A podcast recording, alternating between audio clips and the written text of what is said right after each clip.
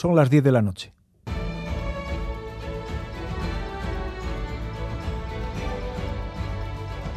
Radio Euskadi y Radio Vitoria.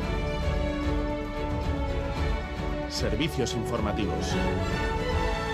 Repasamos los titulares de la jornada con Amaya Zabala Gabón. Gabónico, noticias de hoy martes 28 de marzo. Comenzamos mirando a Cataluña. La eurodiputada Clara Ponsatí ha sido detenida horas después de regresar a Barcelona tras cinco años huida de la justicia. Los Mossos han detenido a Clara Ponsatí en la plaza de la Catedral de Barcelona a las 6 de la tarde, pese a que ella se ha identificado como eurodiputada y ha dicho que tiene inmunidad. És tan amable d'acompanyar-me, és, és tan amable d'acompanyar-me, sisplau.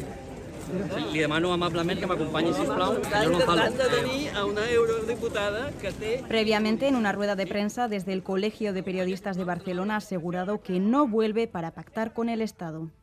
no he vingut a fer cap pacte amb l'Estat, sinó a denunciar la vulneració sistemàtica dels nostres drets, la passivitat de les institucions catalanes i la necessitat de que les institucions europees deixin de mirar cap a una altra banda Recordar que tras el reciente cambio en la ley, Ponsatí ya no puede ser imputada por sedición, sino por desobediencia, delito que no le conllevaría pena de cárcel. Tras esta detención, las reacciones no se han hecho esperar. Un grupo de manifestantes ha cortado la Gran Vía de Barcelona frente a la ciudad de la justicia reclamando su libertad.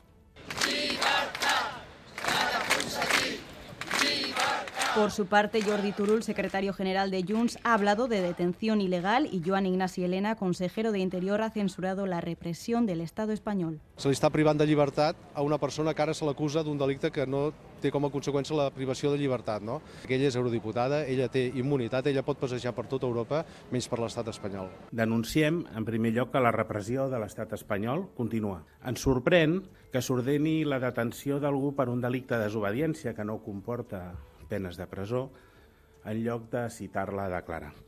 Hoy también hemos conocido los datos de la segunda entrega de la encuesta EITB Focus sobre la intención de voto para las elecciones municipales del 28 de mayo. El PNV mejoraría resultados en las tres capitales de la comunidad autónoma vasca y EH Bildu adelantaría al PSE Euskadiko Ezquerra en Bilbao y Vitoria-Gasteiz. En el caso de Navarra, el PSN volvería a tener en su mano decantar la alcaldía de Pamplona hacia regionalistas o aberzales y las reacciones a la encuesta no han tardado en llegar. Juan María Burto, candidato a la alcaldía de Bilbao con el PNV y Rocío Vitero, candidata a la alcaldía de Vitoria-Gasteiz con EH Bildu. alderdiaren eh, eskumena dela. Kolaborazioa izango da neutzako printzipio oinarria. No descarta gobernar con el PNV. No descartamos negociar ni pactar con nadie. Lo estamos haciendo además en otros municipios donde estamos gobernando también en Araba.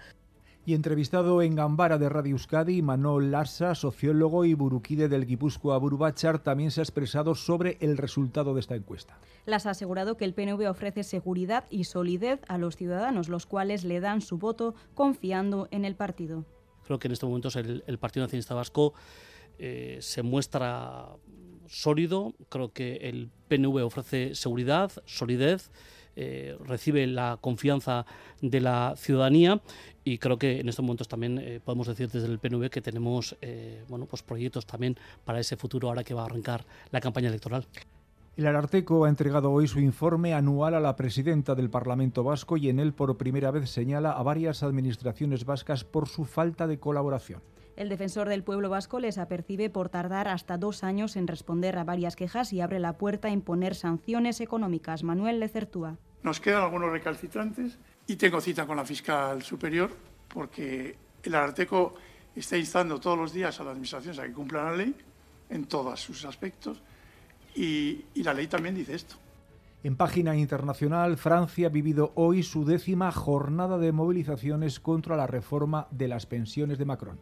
Los principales sindicatos franceses han propuesto al gobierno una mediación para tratar de acercar posturas en relación a la reforma de las pensiones. Sin embargo, el gobierno no ve necesario que haya intermediarios. Según los organizadores, 13.000 personas se han concentrado hoy en Bayona. Así terminamos. Más noticias uh, en una hora y en todo momento en itv.eus y en la aplicación ITV Albisteac.